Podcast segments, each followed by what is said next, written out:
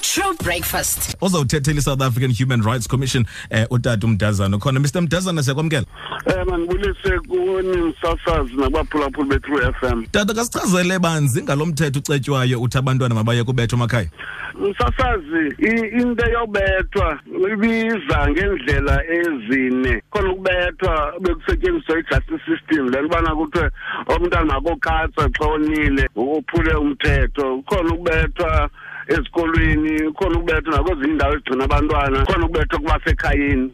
ezi zintathu umthetho sowukhona okhusela abantwana uba mabangabetha kuba umgaqoseko usinika amalungelo okubandakanya isidima ukulingana nento yobana mangabikho mntu uphatheka ngendlela emthoba isidima ngendlela engeyiyo de iye phayana kwisolotya lwamashumi amabini anesibhozo lithetha ngamalungelo abantwana apho kubaluleke kakhulu into yobana abantwana mabakhuseleke umngeni ke ngokuthi njengobana ezi ndima zintathu bendizikhankanyile ekuqaleni sezikhuselekile ngokwasemthethweni kufanele ke ngoko kujongwe nemeko yasemakhaya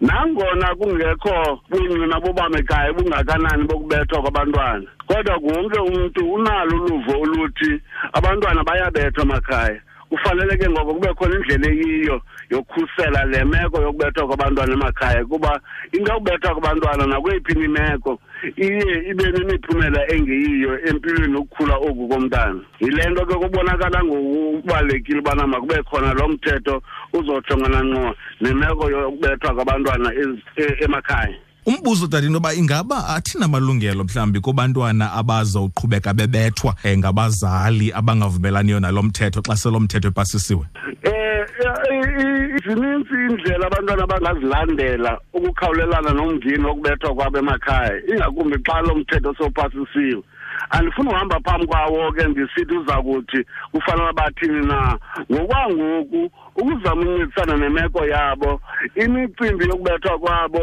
ingasiba ngokufanayo nobethwa komnye umntu ingasiwa kumaziko akhoyo okumisela umthetho umzekelo amapolisa ibe ngawo ayithathela kuwo le nto lena khona neenkundla ezi zijongene neemeko zabantwana zifanele uba zingenelele ngendlela eyiyo nangakumbi kukhona abantu abaqeqeshelwe ujonga imo yabantwana nokhula kwabo aba bantu bangonontlalontle nabo aba bantu abo banoxanduvo lululo lokukhusela abantwana kwiimeko apho bazibona bebethwa kumakhaya abo ithi ke loo nto abantwana bangaya konontlalontle bayofaka isikhalazo ngemeko abahleli phantsi kwayo kwelo khaya ngenjongo yokuba kungenelelwe ukwenzela into yobana bakhuseleke um eh, mr mdaza nokokugqibela xa sithetha ngokubetha eh you know do we classify siyayicalucalulo okanye sithetha ngokubetha in general noba umntwana mhlawumbi ubethwe ngumzali wakhe eh you know uh, ngeswazi kwakanye eh, kube mlungisa kuloo nto lo mthetho uthintela yonke indidi yokubethwa komntana